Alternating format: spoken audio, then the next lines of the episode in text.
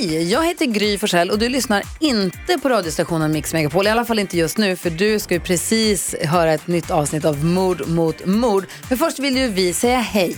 Hej, hej, det här är NyhetsJonas. Det här är Carolina Widerström. Och här är Gullige Dansken. Ja, och så Gry då. Och det vi vill säga att när du har lyssnat klart på den här podden, då får du gärna lyssna på våran. Vi spelar in ett nytt avsnitt varje morgon av våra podd Kvartsamtal. Och hela radioprogrammet blir ju också en podd om man är väldigt morgontrött eller så. Just det, om man missar morgonen ja. Men mest av allt så får du gärna lyssna på programmet i direktsändning varje morgon på Mix Megapol. Live varje morgon från klockan sex och då har vi med oss massor med vänner också. Thomas Bodström, Babben Larsson, Johan Pettersson, Krista Luuk. Massor med coola människor som bara dyker upp och gör livet bättre. Ja, som jag, Gullige Dansken. Exakt så. Och så mycket bra musik och annat skoj såklart. Så vi hörs när du vaknar på Mix Megapol. Podplay.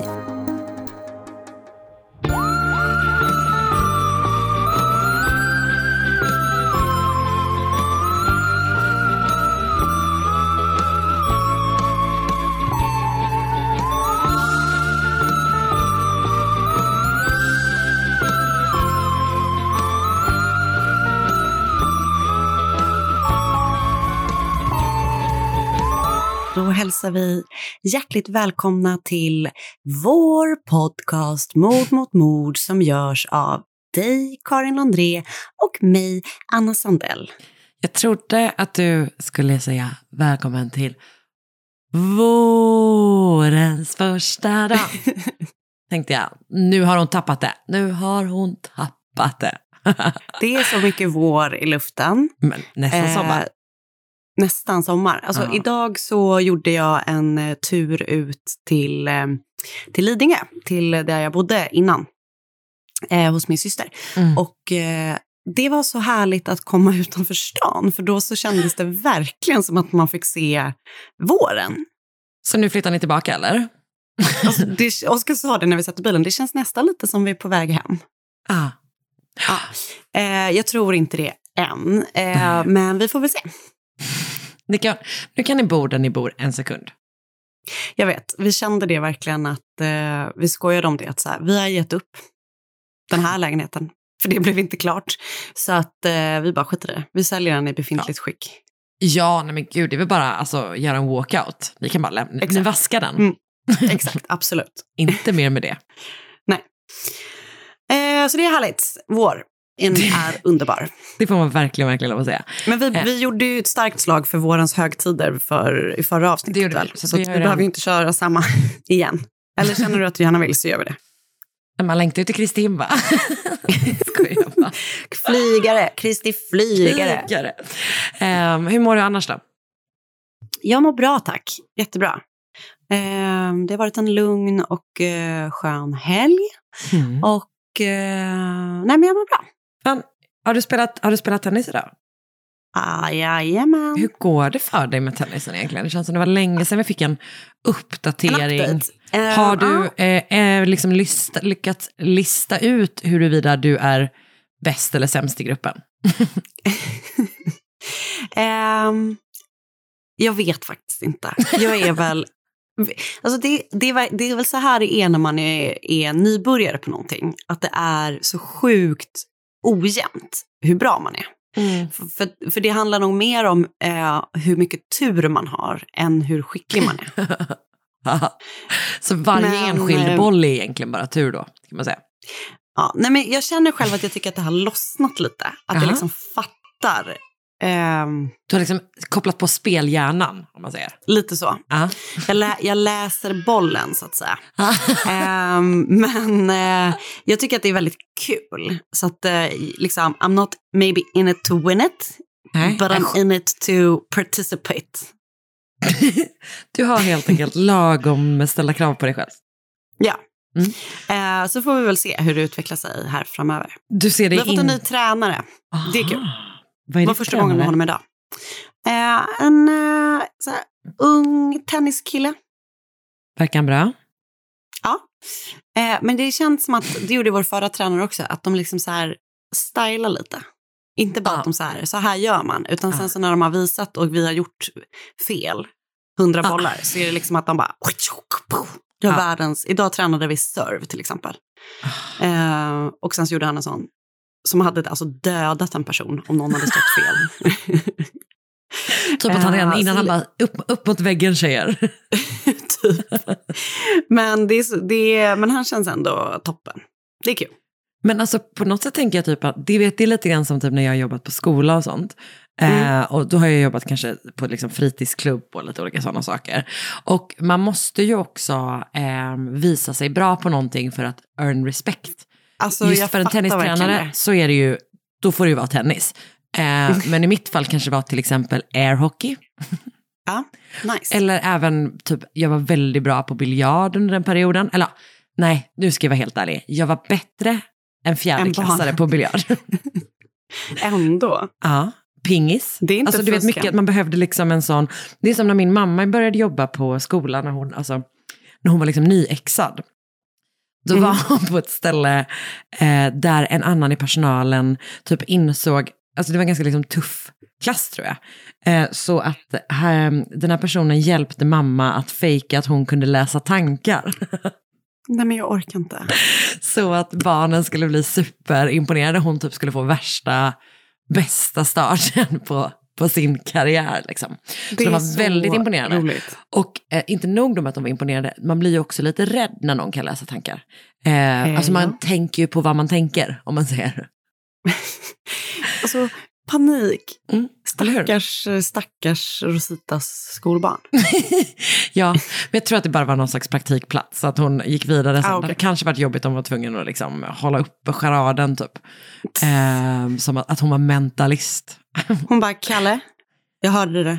Jag hörde det, och jag tycker inte om det. Gå och tvätta, gå och tvätta hjärnan med tvål och vatten. Verkligen, in You dirty, dirty mind. Eller? grovt. Nej. grovt. Det var liksom förskolebarn. Um, Jaha, ja, okej. nej, men, eh, så att jag, eh, jag tycker typ att det känns... Det, ja, det är en rolig, en härlig scen i mitt huvud när han liksom ska imponera på er. Men Ja. man förstår ju honom.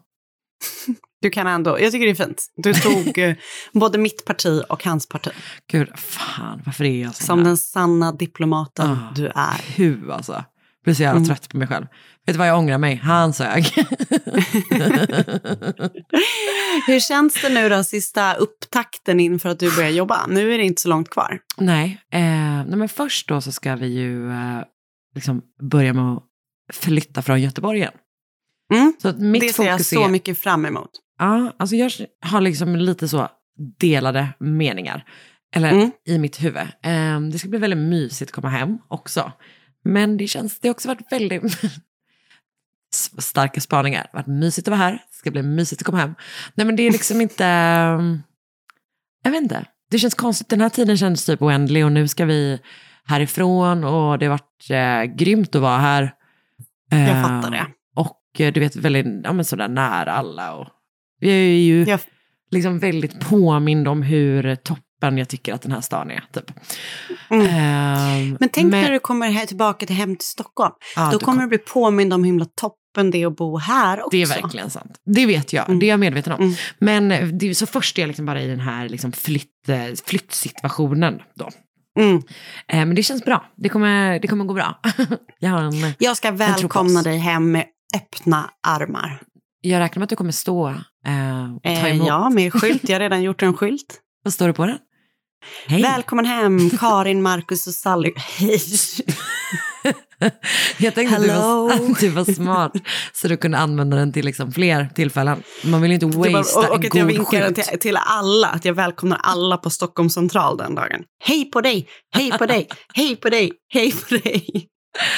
Kul om det var typ en sån grej. Alltså du vet om man, alltså att det var varje, lite som jury duty fast Alla måste ta en dag om året. duty. Exakt.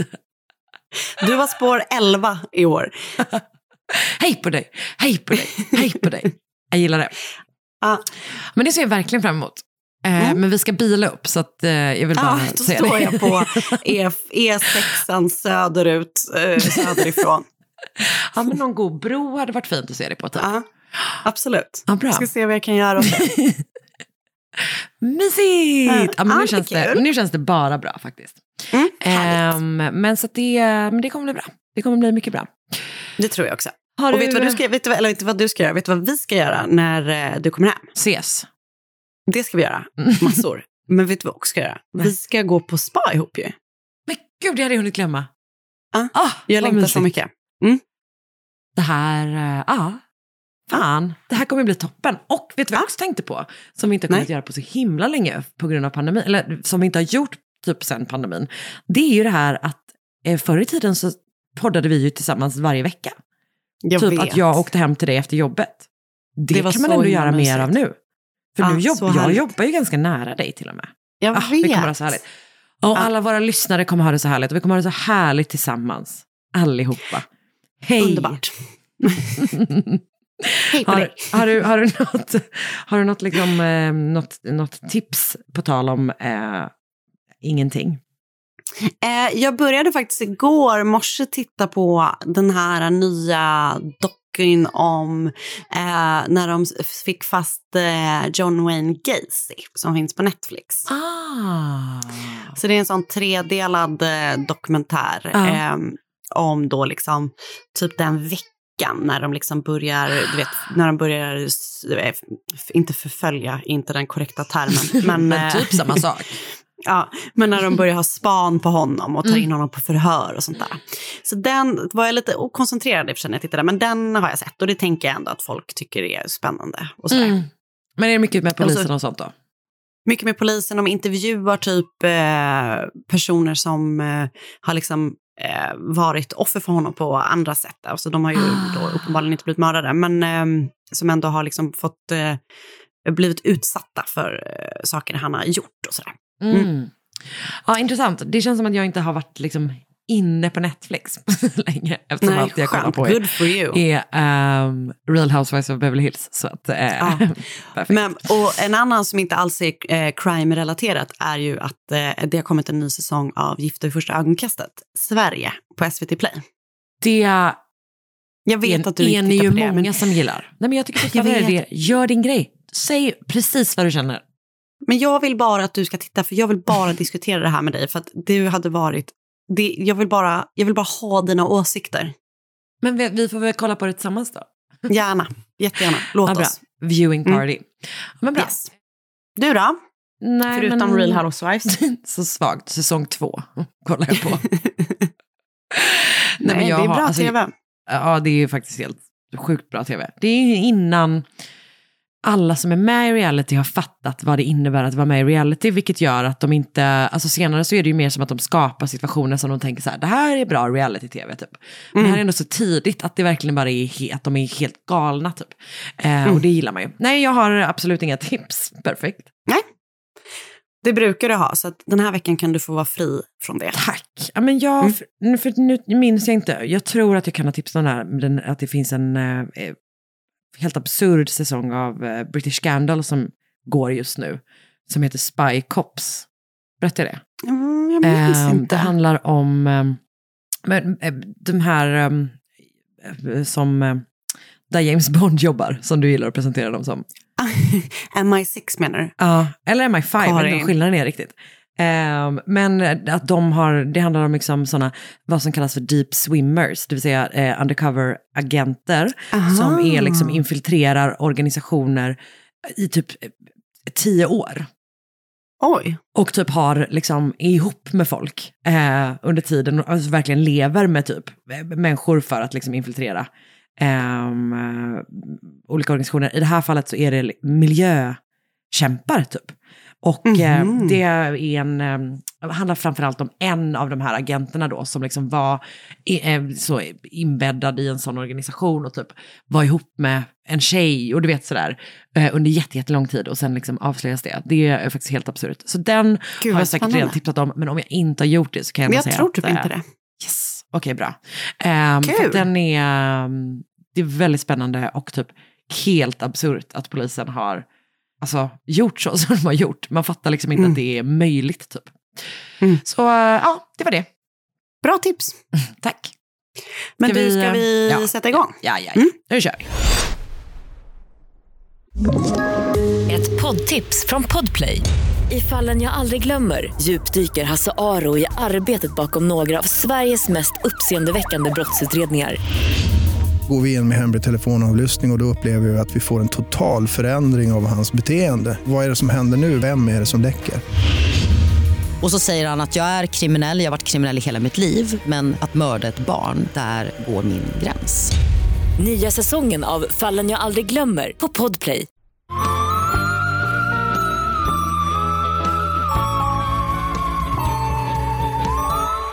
Julen 2006 firade hela familjen Waller jul hemma som vanligt. De brukade samlas, den stora familjen, och fira tillsammans så därför tyckte de att det var lite konstigt när sonen Ryan inte kom hem. Han brukade alltid dyka upp till julfirandet, men när han inte gjorde det och han heller inte svarade så bestämde sig helt enkelt familjen för att anmäla det här till polisen. Så polisen åker hem till Ryan för att göra en welfare check i hans lägenhet i Phoenix, Arizona.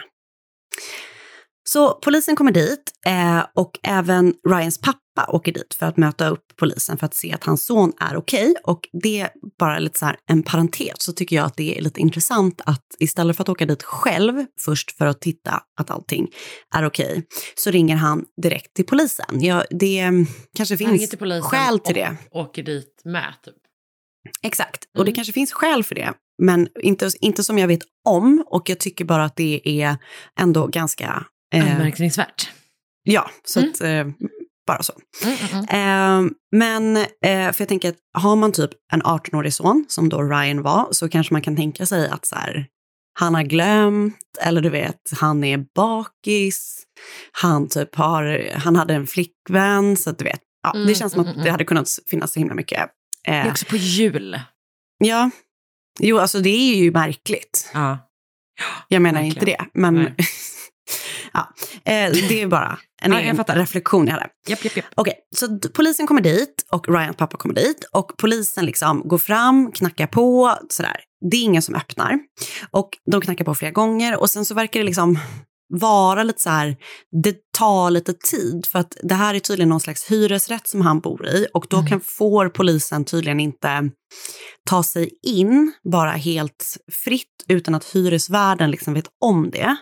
Så att de behöver få någon typ av search warrant och sådär. Så det tar lite tid.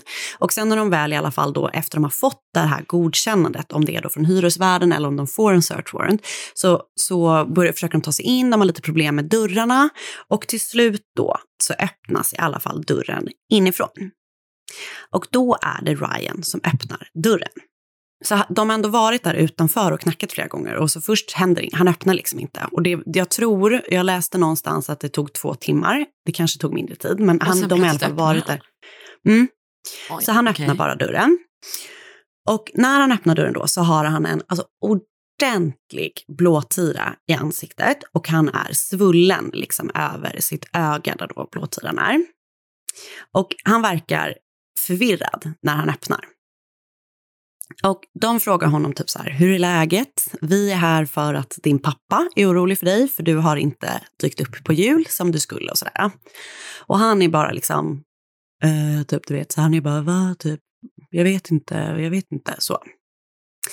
Och så får de syn på någonting, polisen, för bakom Ryan på soffan så ligger en tjej.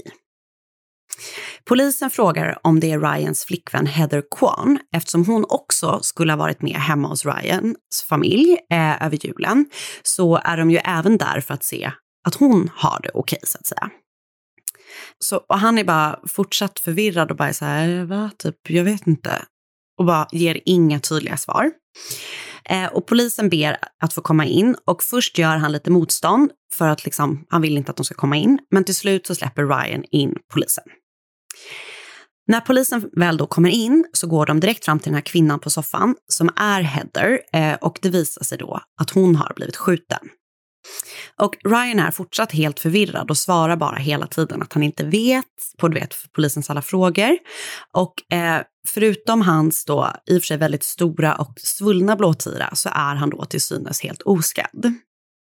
Han blir då såklart fort misstänkt av polisen eftersom det var han och hans tjej som var hemma hos honom och att hon då har hittats skjuten där och han har då tecken av att ha blivit slagen, typ. Alltså han har en blåtira i fejset då. Jag frågar, är hon död? Hon är tyvärr död. Ah. Så han sätts genast i polisbilen för att han senare då ska bli vägkörd på förhör eh, medan polisen går igenom brottsplatsen. Och Ryans pappa då, som väntar utanför Ryans lägenhet eh, och väntar på sin son, eh, blir först lättad när han ser att polisen kommer ut med hans son och bara okej, okay, det har inte hänt någonting. Okej, okay, han, okay, så är han på så här, ja, okay, han har en stor blåtira, men han, det är liksom, han är Han lever. fine. Ja. Ja, och sen så blir han ju då såklart orolig igen när, de ser att han, när han ser att han leds ut i handfängsel och placeras i polisbilen. Och så kommer då såklart sjukvårdspersonal till platsen och de ger sig då in för att se efter Heather, men hon lever som sagt tyvärr inte och det finns då ingenting de kan göra för att återuppliva henne. Eh, Och Ryan då som sitter i baksätet på polisbilen är det ingen sjukvårdspersonal som tittar till, vilket man kanske ändå kan tycka att de borde göra för att han har ju ändå liksom fått, Mm. han har ju ändå liksom tydliga Skador. tecken efter, liksom, precis, han har tydliga skador. Och Ehm, verkar också vara i helt sitt ansikte. snurrig då. helt snurrig. Men Ryan körs istället iväg till polisstationen och när de kommer in dit så får Ryan sätta på sig typ en så här vit fängelseoverall eh, för att hans eh, kläder har då bär eh, blodspår på sig, så alltså de tas in som bevismaterial. Och så får han sätta sig i ett förhörsrum och sen börjar något väldigt konstigt att utspela sig. För Ryan sitter då i förhörsrummet och är handfängslad till bordet där inne. Man kan se på övervakningsfilmen från förhörsrummet att det är han själv som typ fängslar fast sig själv i bordet. Så han, du vet, det är väl några sådana som sitter fast där som, man har sett, du vet. Så han sätter sig själv i de handfängslena. Ja. Och så börjar förhöret och det här förhöret pågår i ungefär en timme och allt är filmat och det är bara så sjukt skumt. Polisen då som förhör Ryan går ganska hårt ut mot honom för att de är ju övertygade om att han har skjutit sin flickvän och sen liksom låta henne, låtit henne ligga kvar död på hans soffa medan han då liksom bara fortsatte sitt liv som vanligt typ. Så polisen ställer en massa frågor eh, såklart. Eh, och det är typ så, var är du född, vad har du för utbildning, eh, du vet sådana saker. Och Ja. han ger så osammanhängande och svamlande svar. Och han säger bara att han vill åka hem och sova. Eh, och så här, han, svarar, han svarar, jag vet inte på de flesta frågorna. Han säger att han vill åka hem och sova. Och du vet, typ när de frågar så här, vad har du för utbildning? Liksom, vad är din högsta utbildning? Typ, Har du gått på universitet? Du vet så. Då svarar han att det högsta betyget han har fått är B. Så du vet, han svarar liksom på en fråga fast med någonting helt konstigt. Allting Ja, är bara Som att han inte förstår. jättemärkligt. Liksom. Ja. Exakt.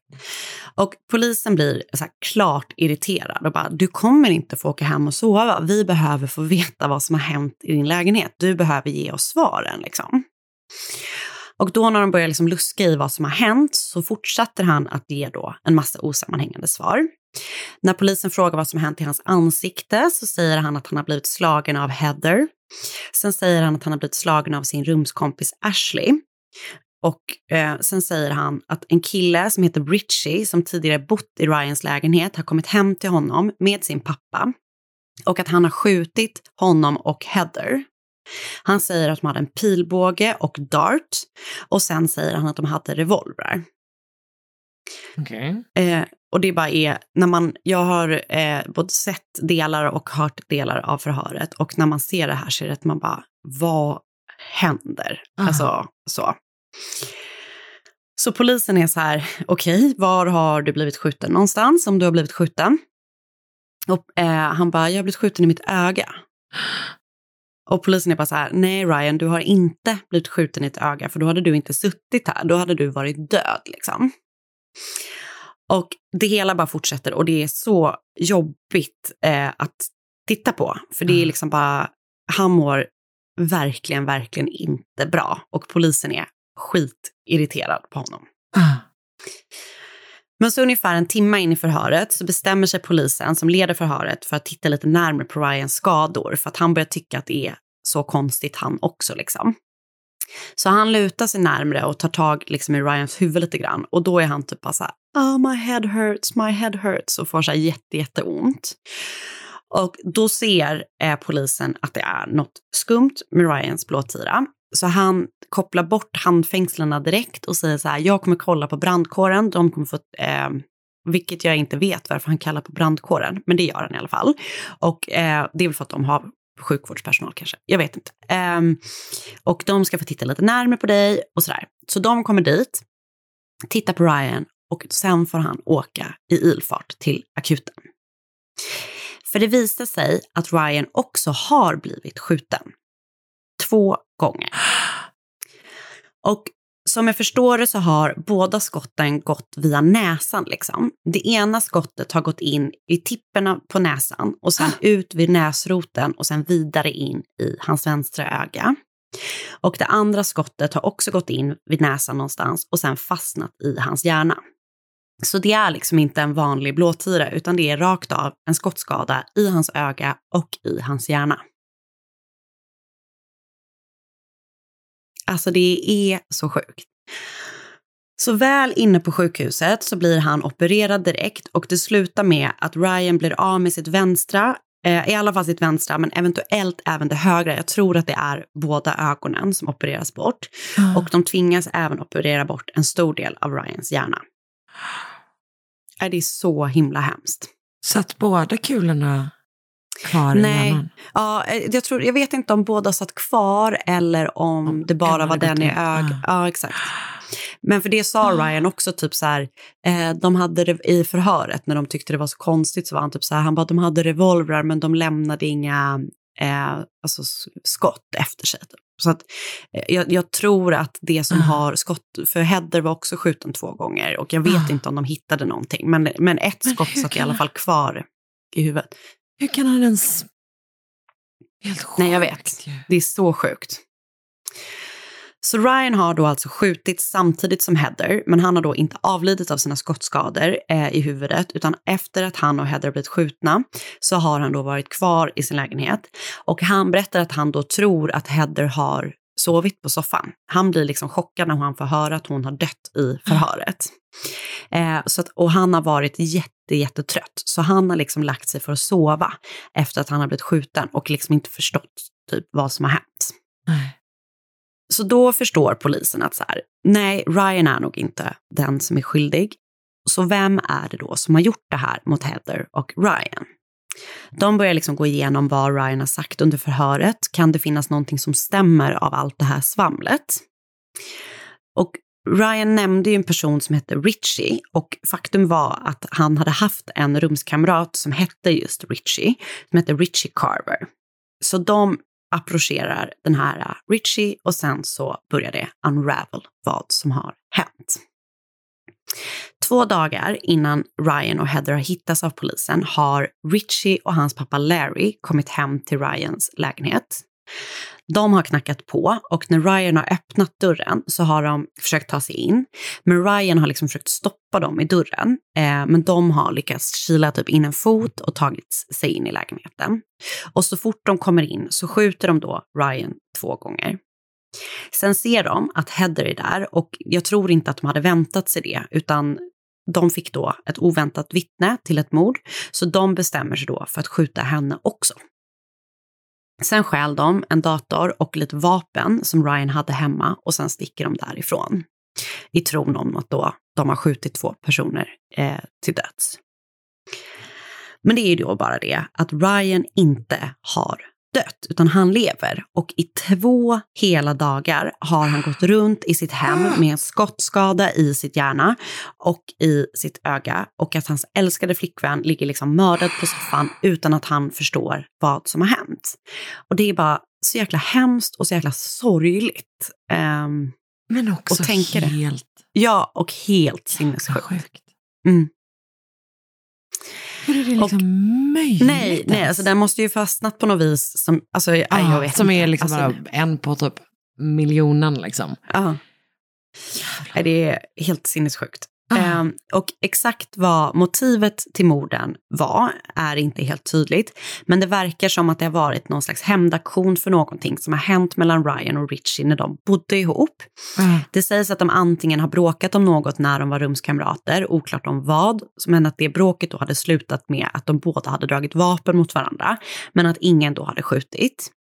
Eh, det finns också en teori, och att då Richie liksom kommer tillbaka för att finish what they started. Typ. Ah. Och så finns det en teori om att den här Richie har försökt ragga på Heather men att hon har avvisat honom och att Ryan då sagt till, eller vad man ska säga.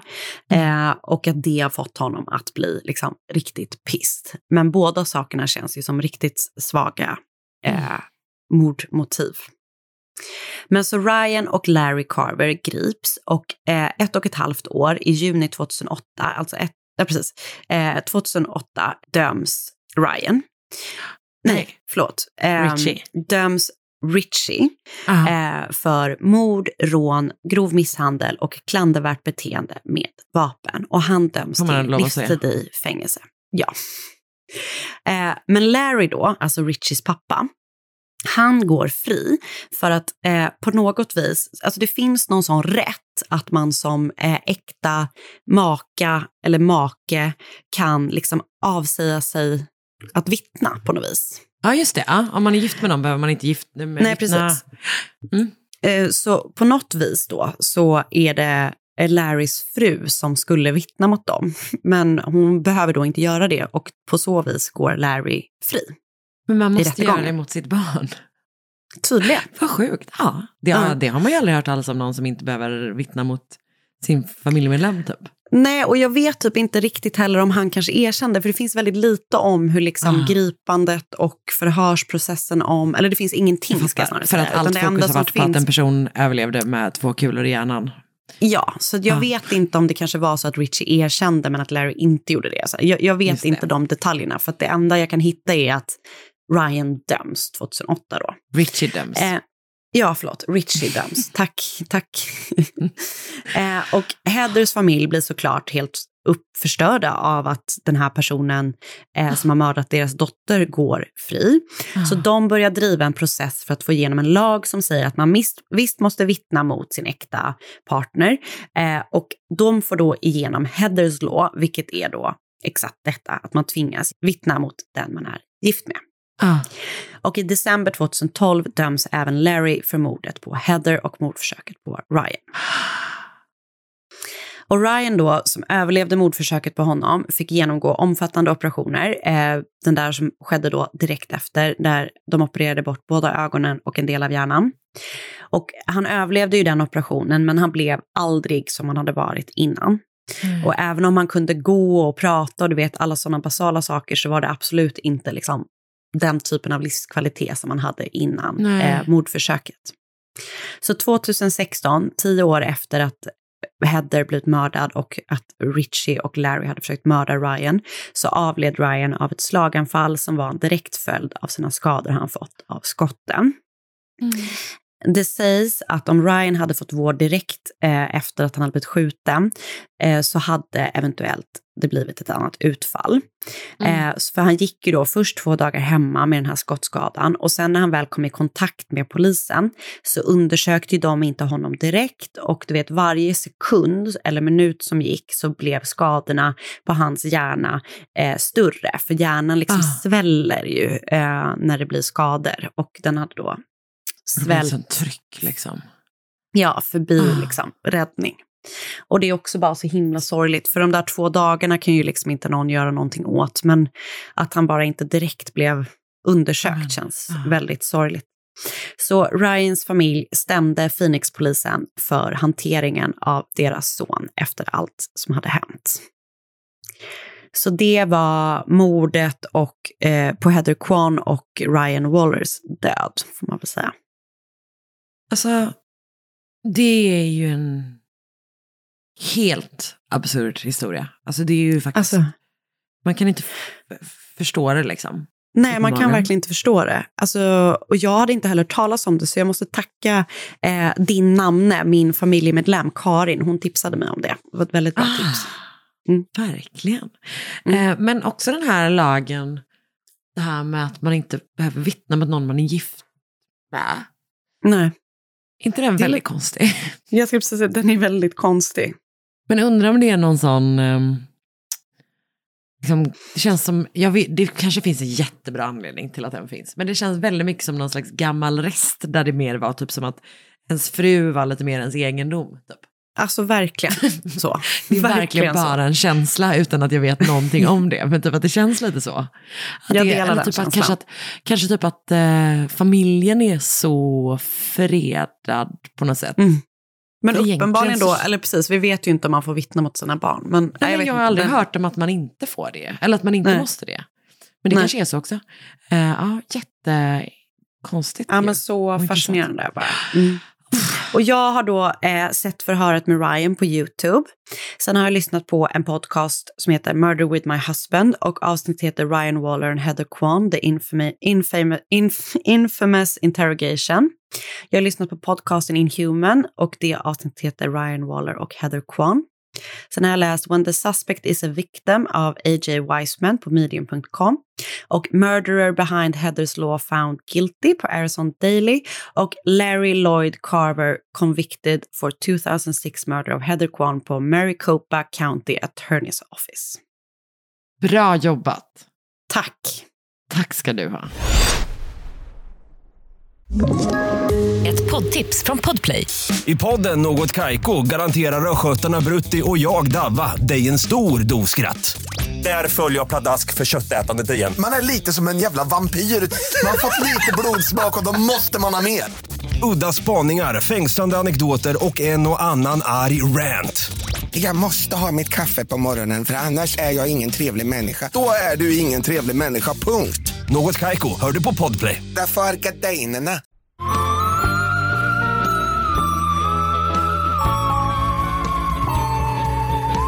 Jag börjar på ett tråkigt sätt. Med att berätta för dig att en kvinna, eller då var det bara en flicka, som heter Linnea Persson, föddes 1906 i Ulriksfors i Jämtland. Och hon var yngsta barnet i en syskonskara om sju. Hennes föräldrar hette Britta och Jon och den här familjen var eh, jättefattig och hade liksom väldigt, väldigt, väldigt tufft. Eh, och blev liksom ett ärende för fattigvården redan när Linnea var väldigt liten. Så att de hade, de, det var liksom en väldigt, väldigt tuff situation för hela den här familjen. Och det blev absolut inte lättare när Jon dog i en arbetsplatsolycka när Linnea var 15 år gammal. Mhm. Och kort efter det, eller det här kanske hade pågått innan med, men efter att det har hänt så blir i alla fall hennes mamma eh, sjuk. Alltså hon lider av någon, någon slags psykisk sjukdom som gör att hon placeras på ett boende. Och det i sin tur gör då att Linnea och hennes syskon blir i princip föräldralösa. Liksom.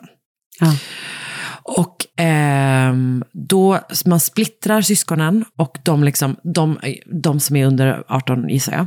Ehm, så de splittras och placeras ut hos olika släktingar och bekanta till familjen.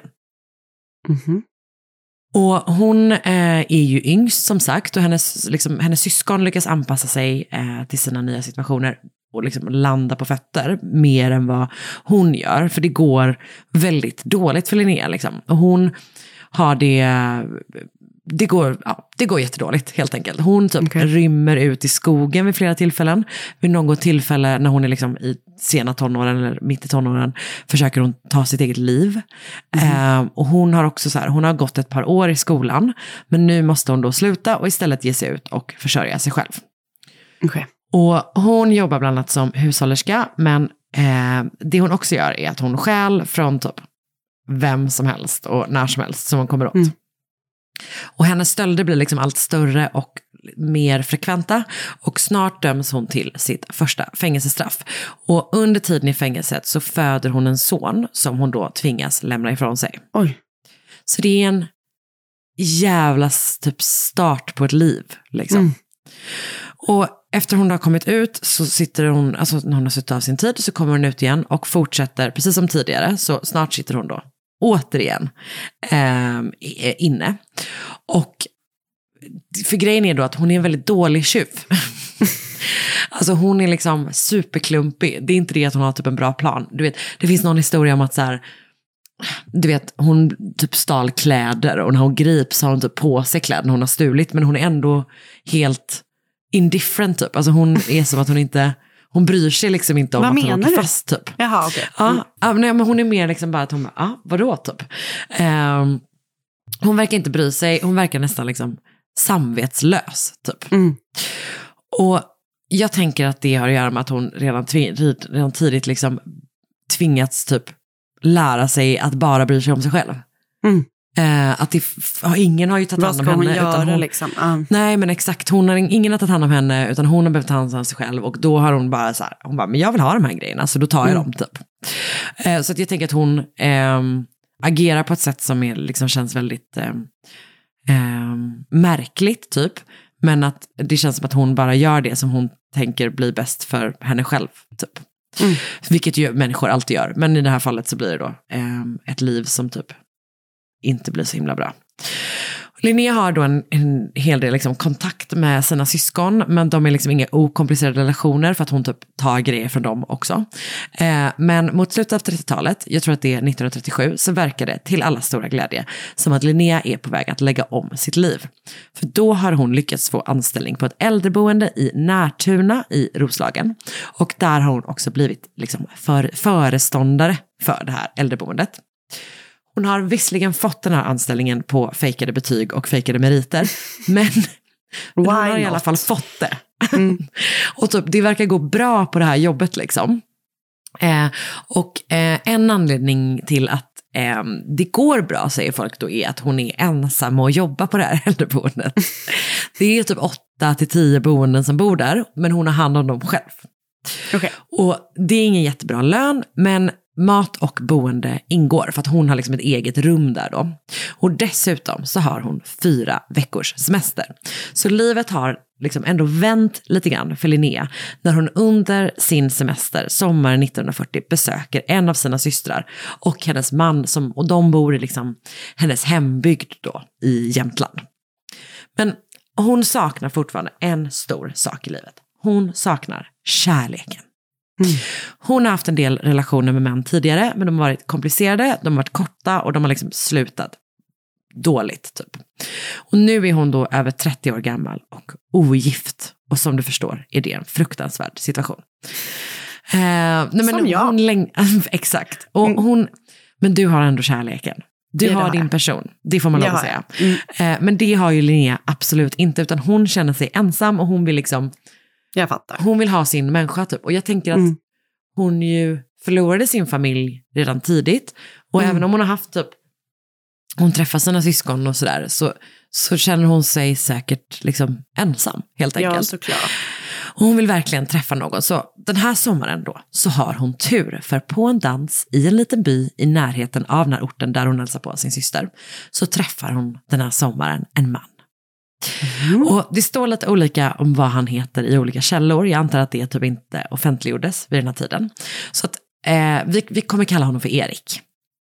Och Erik är en helt vanlig man. Han är en jämtländsk eh, bompojk, trygg och stabil. Och han är också intresserad av Linnea. Så de här två har då en sån här underbar sommarromans.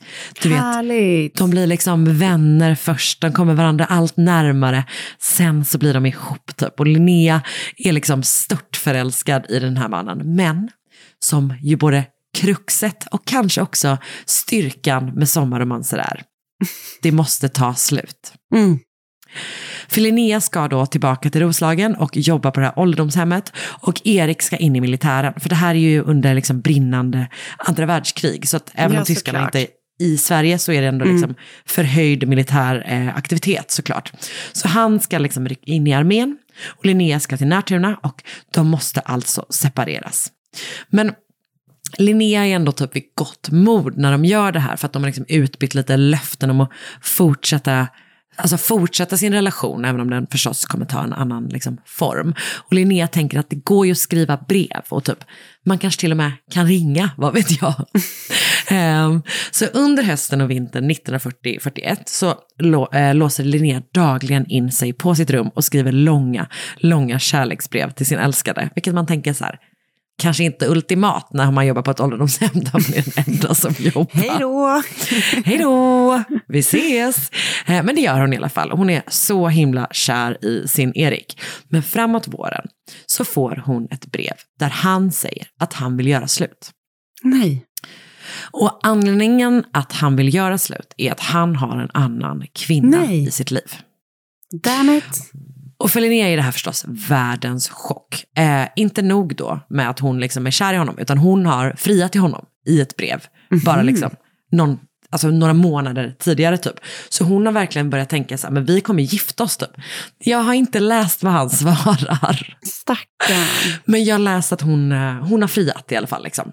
Och nu plötsligt har allting vänt och han, hon har förlorat den här stora kärleken. Eh, men det som händer då är att det blir sommar igen och hon får semester igen. Och då väljer hon att återigen åka till sin syster i eh, Jämtland. Och då söker hon förstås upp Erik för att liksom prata om vad Förstås. som har hänt och typ Mm. försöka rekindle the flame kanske. Ehm, och till en början så är han kall och avvisande, men sen förändras det och de tar återigen upp sin romans. Men det blir kortvarigt. För den 29 juni gör Erik slut igen och säger att inte nog med att han har en annan kvinna i sitt liv. Han berättar att de har varit ihop i åtta år. Oj. Och för Linnea så blir det här liksom ett slag i magen och hon blir vansinnig. De har världens största bråk. Eh, och hon kräver att få veta vem den här kvinnan är och var hon bor. Och Erik Uh-oh. berättar då att hon heter Ingeborg Westholm och hon bor i Fyrås utanför Hammerdal. Och det är liksom samma område i Jämtland. Det är typ en och en halv mil från där hennes syrra bor. Mhm. Ehm, alla de här, det, det är lite oklara typ ehm, liksom orter vart saker och ting händer. Så det kan också vara typ att det är så här två mil eller två och en halv mil. Men du fattar liksom, det är, vilket ju är ett stort område vid den tiden för att man typ inte har så mycket bilar och sånt. Men, men, men det är liksom samma, samma hoods. Så Ingeborg, Oskaria, Westholm. Oskaria tänker jag att om ni får ett barn till, Ja. då blir det en Oskaria. Absolut. Eh, Men det finns liksom väldigt lite information om henne. Hon är från Fyrås, vilket också är där hon liksom bor och eh, även i vuxen ålder. Hon har flera bröder. Hon är yngre än Linnea. Jag vet inte exakt hur gammal hon är.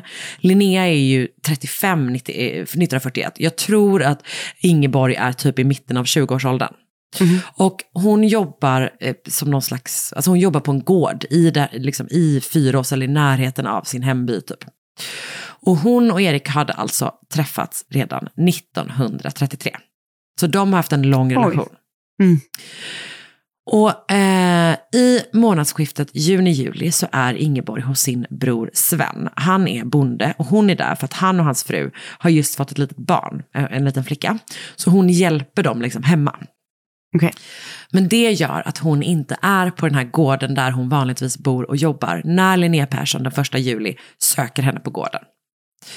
Och det har liksom varit en jättelång väg för Linnea att ta sig dit. För att hon har, alltså, hon har typ cyklat jättelänge först. Eh, och sen har hon typ åkt rälsbuss. Oj. Vilket- Vad är det? Jag vet inte. Är det Som typ- ett tåg. ett tåg, tänker jag. Eh, och sen, och det verkar som att hon har tagit med sig cykeln typ på tåget. För att, och du vet, hon har övernattat hos någon bekant typ, och sen har hon cyklat ytterligare flera mil till den här gården och sen vidare. För där när hon kommer till den gården så säger de så här, hon är inte här, men hon är hos sin bror Sven. Så hon cyklar vidare. Vid elva på förmiddagen så knackar, eh, knackar det då på dörren på Svens gård. Och det är Ingeborg som öppnar. Och hon är väldigt förvånad över att det är någon som kommer och hälsa på. För att du vet den här gården ligger ganska avskilt. Och det är inte så här gott om grannar. Och eh, de som finns är inte sådana som bara dyker upp hur som helst typ. Och dessutom så inser hon då när hon öppnar dörren att hon har ingen aning om vem den här personen som står utanför är. Åh, min skräck. Skulle det- Så här, det är inte ens det att du är rädd att du ska bli mördad. Det är bara att man, det känns så jobbigt socialt. Ja, alltså verkligen. Jaha, Ja. hej. Ja.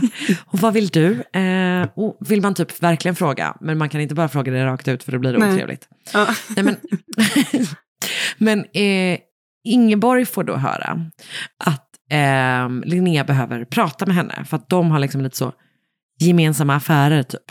Mhm. Och eh, hon säger okej, men först så måste jag lägga bebisen. Sen händer någonting som jag verkligen inte kan känna igen mig i rent socialt. För att eh, de här då kvinnorna bestämmer sig för att inte nog med att de ska prata med varandra, de ska åka och bada ihop. Mhm. Det är inte det, är inte det du kommer göra när en främling knackar på. Utanför Nej. din port. Kanske typ det jag kommer göra eftersom jag gillar att bada så himla mycket. Jaha, du Men det här- tänkte, okej, ja, jag hänger med. Ja, nej, men då då eh, finns det hopptorn. ja, men de, eh, de här två, kvinnorna bestämmer sig då för att de ska cykla och bada. Eh, Linnea är ju up for ytterligare lite cykling. Eh, det här är, det är en jättefin liksom, sommardag i Mm. början av juli. Så de ger sig av cyklandes på en landsväg mot Ede. Och efter ett tag så berättar Linnea då vem hon är. Och hon säger att hon har förstått att de båda två är ihop med Erik.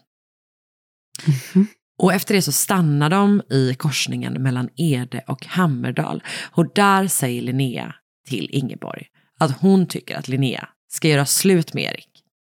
Nej, Eh, Ingeborg. tvärtom. Men, ja, exakt, gud, dåliga vi på namn idag. exakt, precis. Där säger Linnea till Ingeborg att hon tycker att Ingeborg ska göra slut med Erik. Eller det är typ att hon säger till så här. Så nu får du göra slut med honom, för jag vill vara med honom.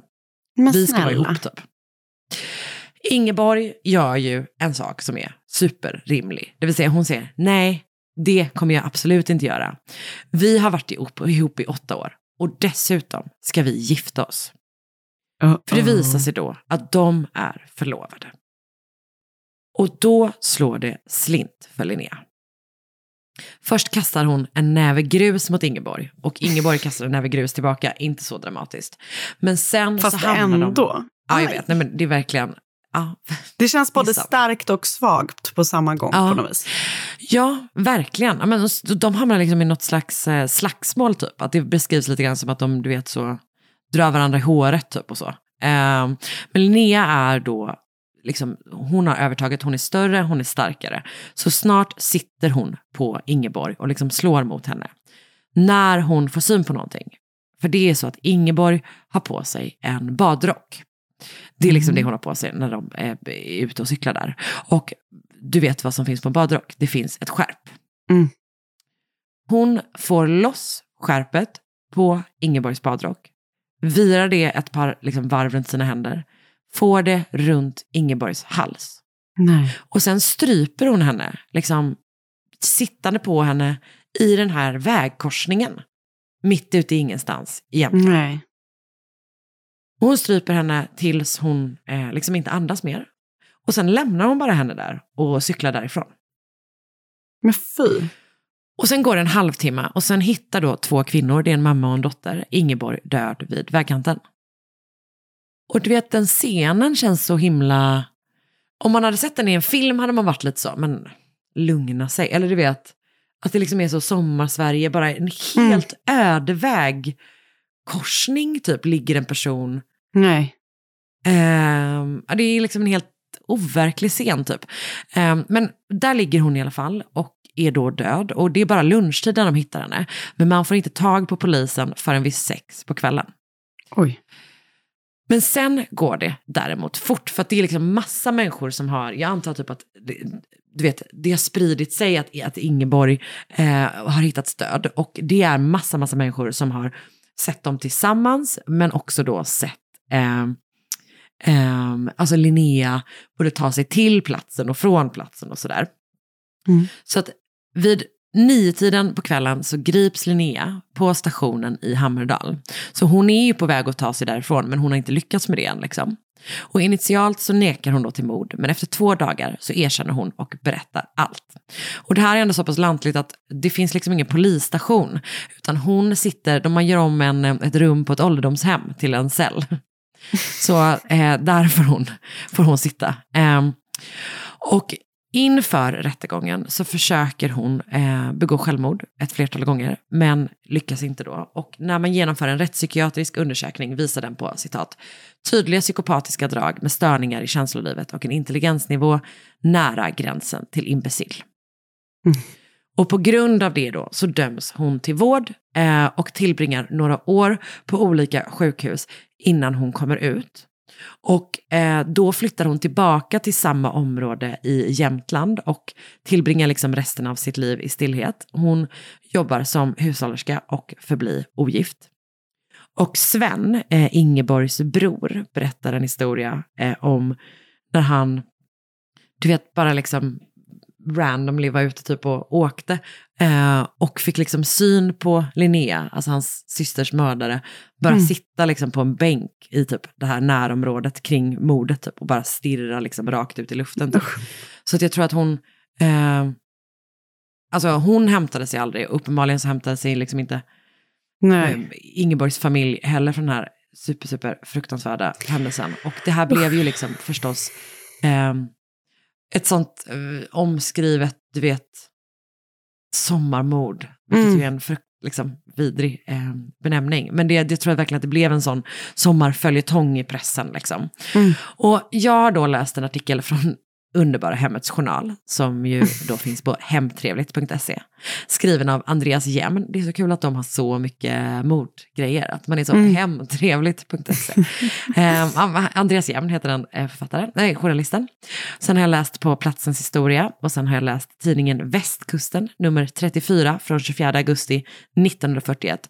Och sen har jag läst ett antal intervjuer med författaren Peter Lukas Eriksson och även liksom artiklar om hans bok Silversnöret. Den kom ut 2011 och är en, eh, men verkar vara en, eh, en, en ganska rakt upp och ner liksom, berättelsen om det här mordet då.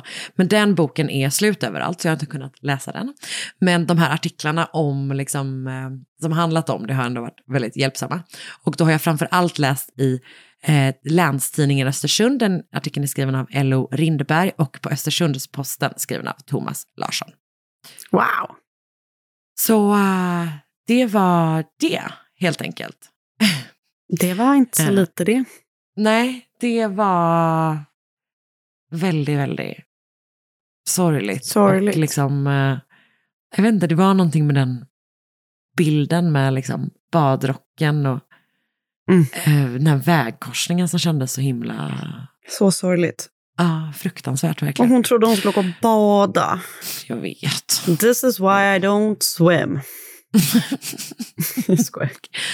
Men This is why I till, don't till, ride my bike. det la till ett eh, argument på listan i alla fall. Verkligen, det är verkligen Mm. sant. Ehm, tack till er som har lyssnat på oss den här veckan. Och glöm nu inte bort att uh, lite drygt en månad bara nu kvar tills livepodden i Göteborg.